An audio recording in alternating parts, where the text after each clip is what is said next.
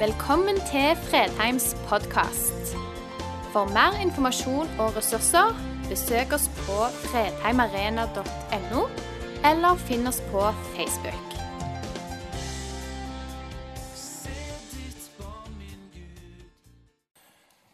Har det noen gang vært noe du ventet på i livet? Hvis svaret på det er nei, så tror jeg du er sannsynligvis da i en eh, egen sjanger. For de aller fleste av oss venter på noe på et eller annet tidspunkt. Kanskje var det fullført utdannelse. Kanskje var det å få sertifikatet. Kanskje var det å si ja til den du elsker, og få høre det samme tilbake. Og vite at nå er det oss to for resten av våre liv. Kanskje har du ventet på våren. Ventet på lysere tider. Kanskje har du ventet på at barn og barnebarn skal komme hjem på besøk som bor et helt annet sted i landet. Eller kanskje nettopp er du der nå at du venter på noe. Kanskje er et barn på vei. Kanskje er det påskeferien. Eller kanskje er det noen løfter du opplever at Gud har gitt deg, som du fortsatt venter på skal gå i oppfyllelse i ditt liv. Midt i en lengsel og midt i en forventning møter vi også den teksten vi skal inn i i dag. Vi leser fra Matteus 21. Da de nærmet seg Jerusalem og kom til Betfaget ved Oljeberget, sendte Jesus to disipler av sted og sa til dem.: Gå inn i landsbyen som ligger foran dere. Der skal dere straks finne et esel som står bundet og har en fole hos seg. Løs dem og lei dem hit til meg. Og om noen kommer med spørsmål, skal dere svare, Herren har bruk for dem. Da skal han straks sende dem med dere. Dette skjedde for at dette ordet skulle gå oppfyllelse som var talt gjennom profeten. Se, nei, si til datter Sion, se, din konge kommer til deg. Ydmyk er han og rir på det esel og på trekkdyrets fole. Disiplene gikk av sted og gjorde som Jesus hadde sagt, og hentet eselet og folen. Så la de kappene sine på dem, og han satte seg oppå. Og mange i folkemengden bredte kappene sine ut over veien. Andre skar greiner av trærne og strødde dem på veien. Og mengden som gikk foran, og de som fulgte etter, ropte Hosianna, Davids sønn. Velsignet er han som kommer i Herrens navn. Hosianna i det høyeste. Da han dro inn i Jerusalem, ble det uro i hele byen, og de spurte, 'Hvem er dette?' Og mengden svarte, 'Dette er profeten Jesus fra Nasaret i Galilea'. Vi er egentlig midt i en temaserie som går på misjon. Men vi tar et avbrekk nå i påsken, selv om det til syvende og sist handler om misjon. For to uker siden så prøvde jeg å dra linjene litt tilbake eh, på misjonsoppdraget. At når vi snakker om misjon, så snakker vi ikke om mitt og ditt misjon. Eller vi snakker ikke om vår menighetsmisjon, vi snakker alltid om Guds misjon. Hans misjon i å nå oss og vår mulighet til å få lov å være med på det. Og I så måte er faktisk den teksten her også interessant. Når Jesus nå rir inn i Jerusalem, så gjør han det for at det var noe han måtte oppfylle, noe som måtte skje.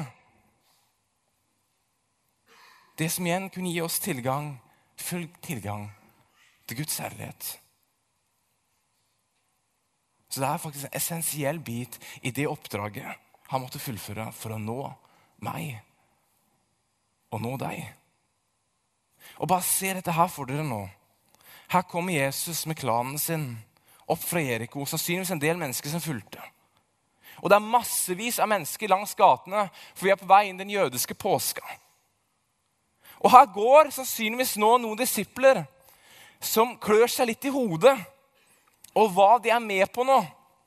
For de vet at bare litt tidligere, i kapittel 20, vers 17, så sa Jesus for tre gang Nå går vi til Jerusalem, og menneskesønnen skal overgis til overprestene, overprestene og de skriftlærde, og de skal dømme ham til døden. Henge ham på et kors, pine ham, og den tredje dagen skal han reises opp. Det er en god del informasjon å ta inn over seg som en disippel. Og jeg vet ikke hva disippelen tenkte. Men de kunne i hvert fall ikke ha tenkt at dette var en dagligdags spasertur. Dette må ha vært en go godt stykke utenfor den boksen og hva de kunne forstå. Denne gåturen de nå er med på. Hvis det stemte, det han sa,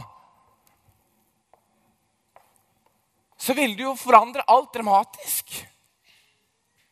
Han de elsket, skulle dø. Og ikke bare skulle han dø. Han skulle overvinne dødskreftene og stå opp igjen. Nå gikk de. Og snart skulle de skaffe henne et esel. Jeg vet ikke hva du venter på i ditt liv. For meg er det ofte de små tinga som er gleder jeg kan vente på. Jeg husker Før vi hadde den eh, Avana DNA-konferansen her i februar, var vel det. Jeg gleder meg veldig til den konferansen. Og i tillegg på den fredagen før så kom to av de albuma jeg har venta på dette året, de kom på samme dag. Og jeg visste nesten ikke hva jeg skulle gjøre av meg.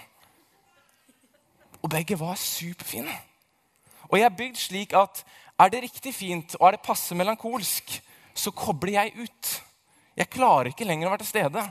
Så når vi hører på rolig musikk, har besøk hjemme og hører på rolig musikk hvis jeg ikke, har hørt før, eh, og det plutselig blir for fint, så klarer ikke jeg lenger å være del i samtalen. Jeg detter ut. Så jeg forstår veldig godt en av vennene mine som eh, presterte det at han var ute og kjørte bil. Det var, tror jeg var 19-20 år.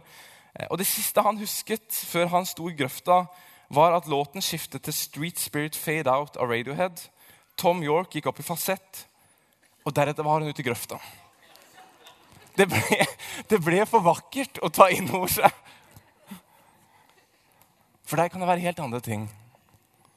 Det kan være bøker, konserter, filmer, nye utgivelser av Bibelen, fotballkamper, festivaler, ferier, besøk, familieforøkelser. Vi er forskjellige.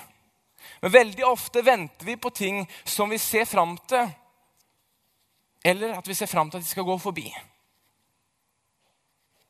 For disse menneskene som nå var i Jerusalem, så var det helt sikkert mange der òg som ventet på noe. Men det var ikke nødvendigvis Jesus. For når han kom ridende, på tross av at de hadde lagt ned eh, palmegrener og de hadde lagt ned eh, ja, det, lagt ned det ene og det andre, så spurte de likevel etter hvert hvem er dette? Så hvorfor la de ned palmegrener?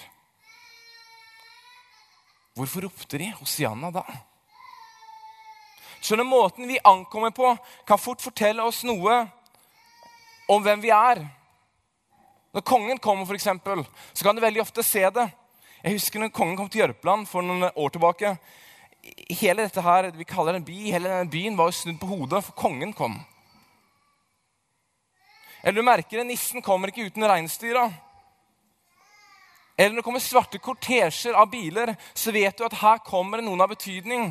Eller biler med flagg nasjonalflagg på bilene. Du forstår at her kommer noen som har betydning.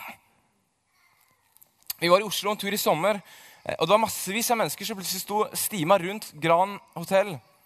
Som blokka veien og kikka oppover. Og vi forsto jo med en gang at her, er det, her inne er det en som er i ferd med å ankomme ut døra, som er av betydning.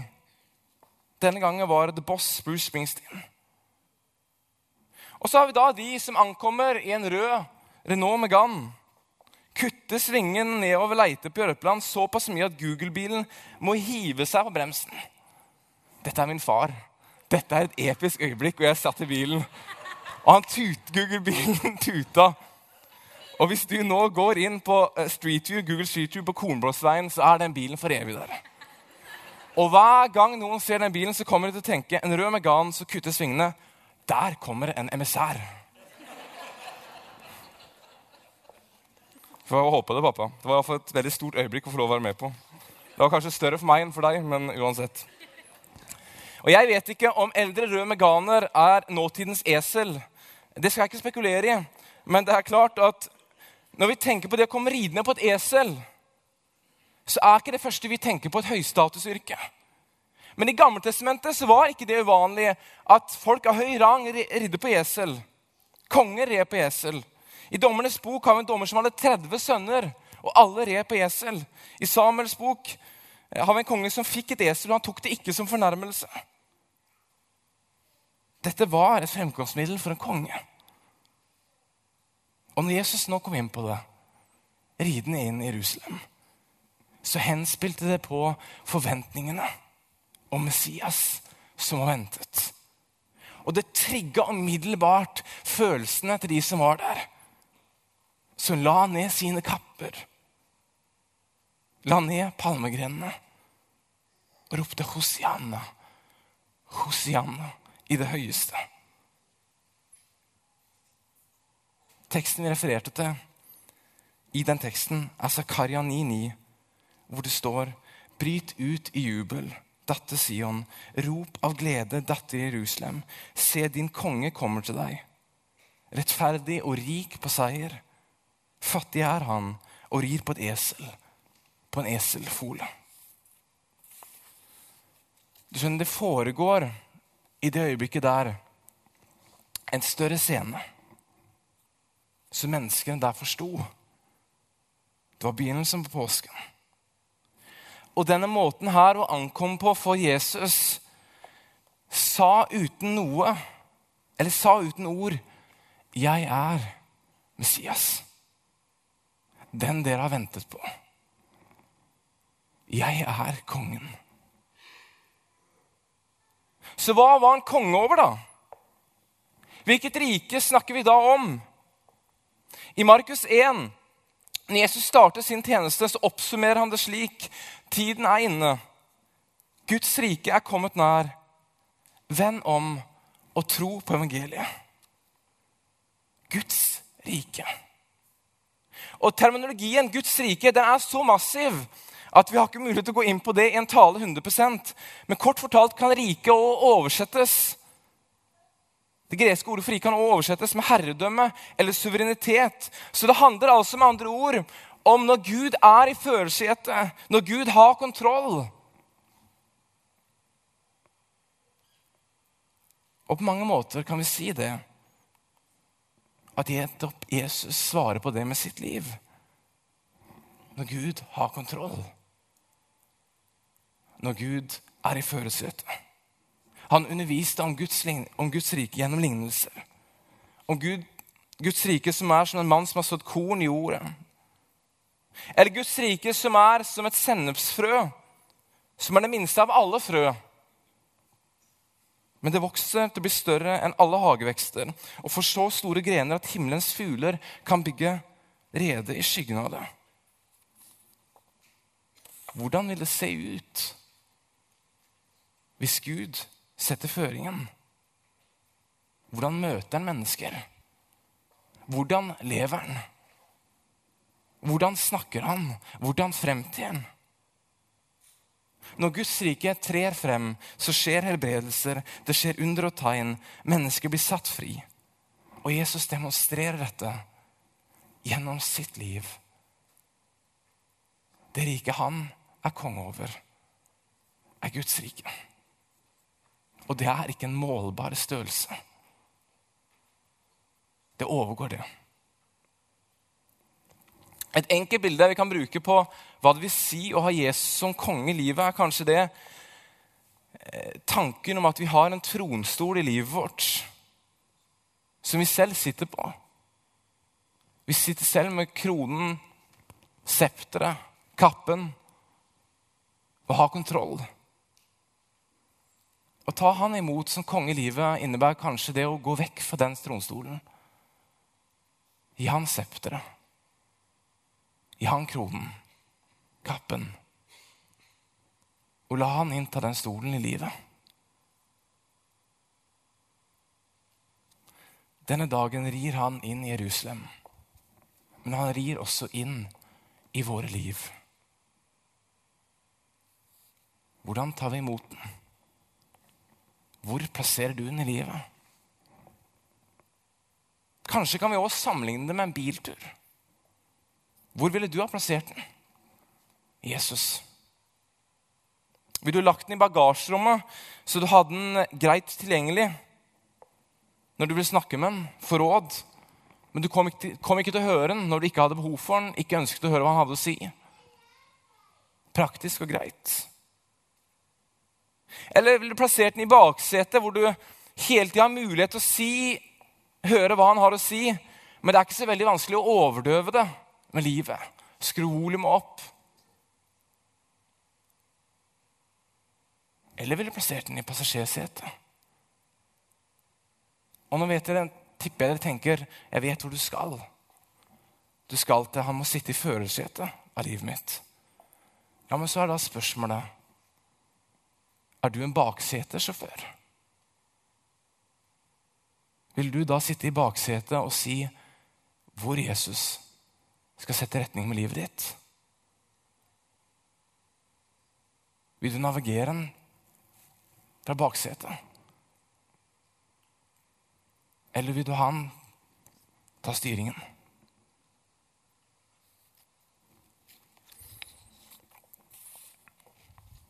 Hvis vi ikke lar han ta, for lov å ta styringen i livet vårt, så risikerer vi å gå glipp av en del av de tinga som han vil ta oss med på. De tinga vi kan få lov å oppleve når vi går i hans ledelse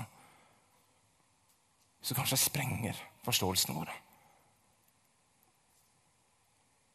Fordi det er ikke så lett å forstå det uten at Gud er med i bildet. Eller kanskje faktum er nå at du tenker Oppsummeringen i livet mitt er egentlig at Gud, jeg, jeg vet bare ikke om jeg vil at du skal være konge i livet mitt. Du skjønner, faktum er det at en del av de som både hoiet, ropte, veivet med grener, la de ned på bakken og sang Hosianna i dag, var i glede i dag, hadde snudd ryggen til ham innen fredag. Og var de samme som ropte korsfest. Korsfest. Men vi blir, gjør vi ikke? Vi vil ikke forlate den. Det kan ikke være snakk om oss.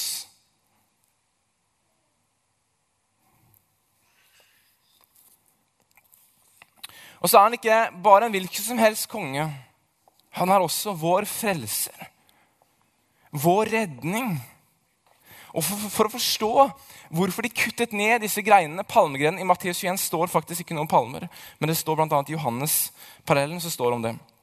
Men for, å forstå det som vil gå til en salme som står i 118, hvor det står som følger Herre, frels. Herre, la det lykkes. Velsignet er Han som kommer i Herrens navn. Vi velsigner dere fra Herrens hus. Herren er Gud. Han lyser for oss. Bind festofferet til alterhornene med tau. Du er min Gud, jeg takker deg. Min Gud, jeg opphøyer deg. Takk, Herren, for han er god. Evig varer hans miskunn.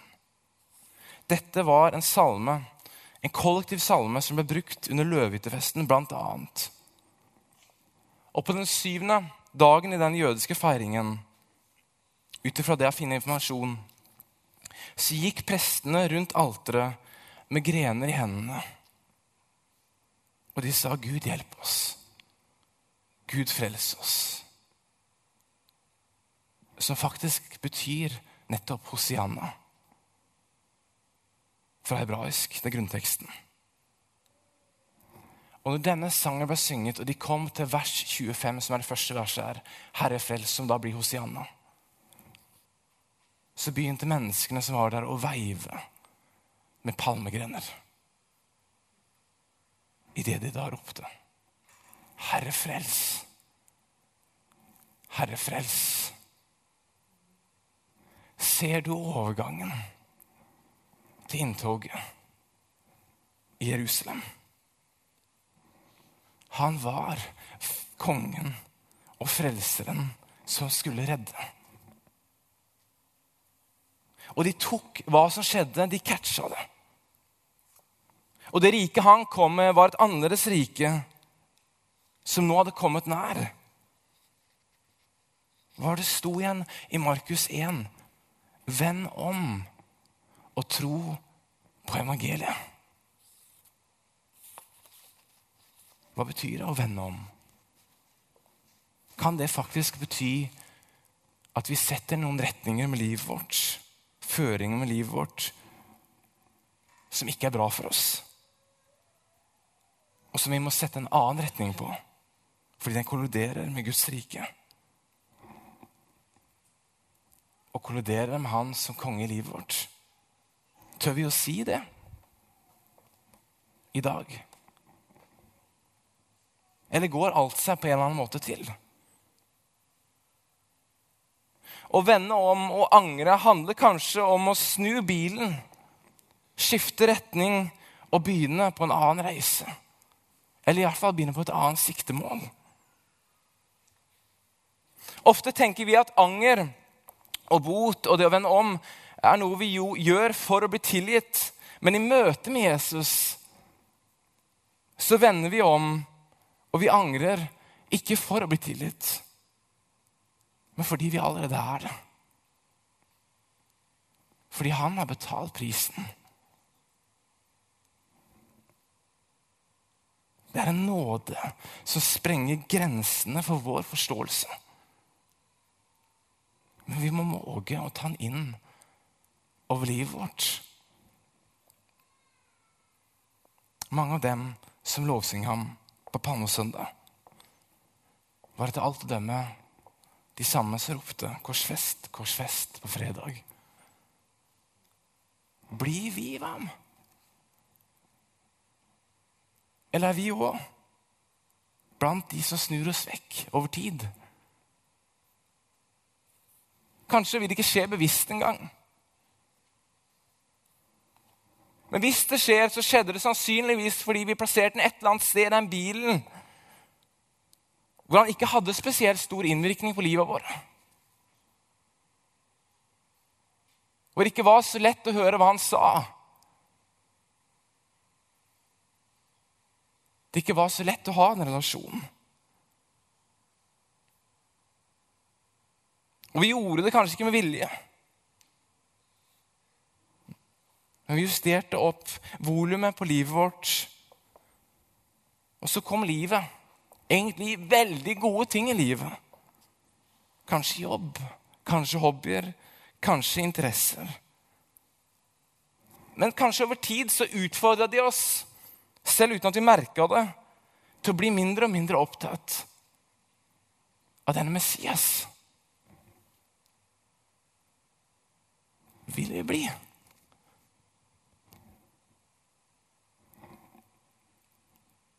Eller vil selv være blant de som roper om korsfestelse på fredag?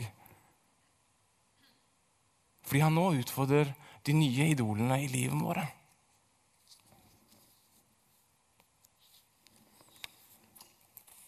Når vi venter på det vi venter på, så kan det godt være at vi til tider ikke opplever engang at det er rundt oss. Eller kanskje kommer den på en måte som vi ikke forventer i livet vårt. Eller kanskje kommer han med noe vi ikke har etterspurt i livet vårt. Men de gode nyhetene er at han venter på oss. Vil vi bli hos Jesus?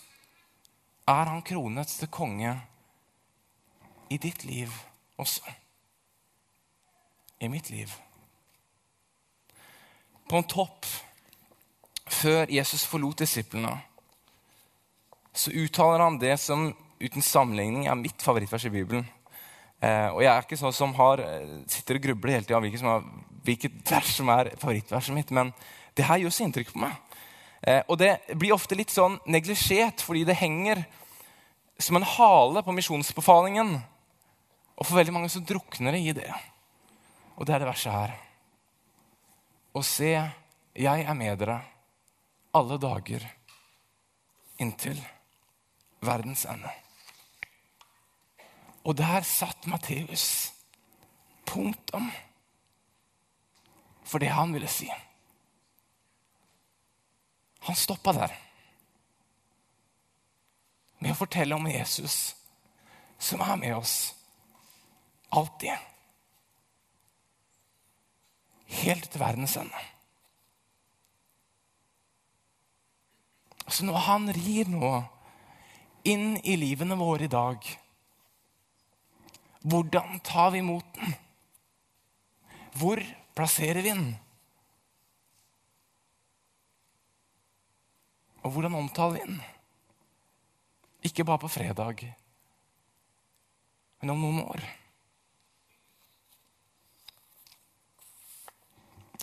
Vil vi bli? Takk for at du valgte å høre på. Nye opptak legges ut hver uke. Vi har gudstjenester hver helg, og du er hjertelig velkommen.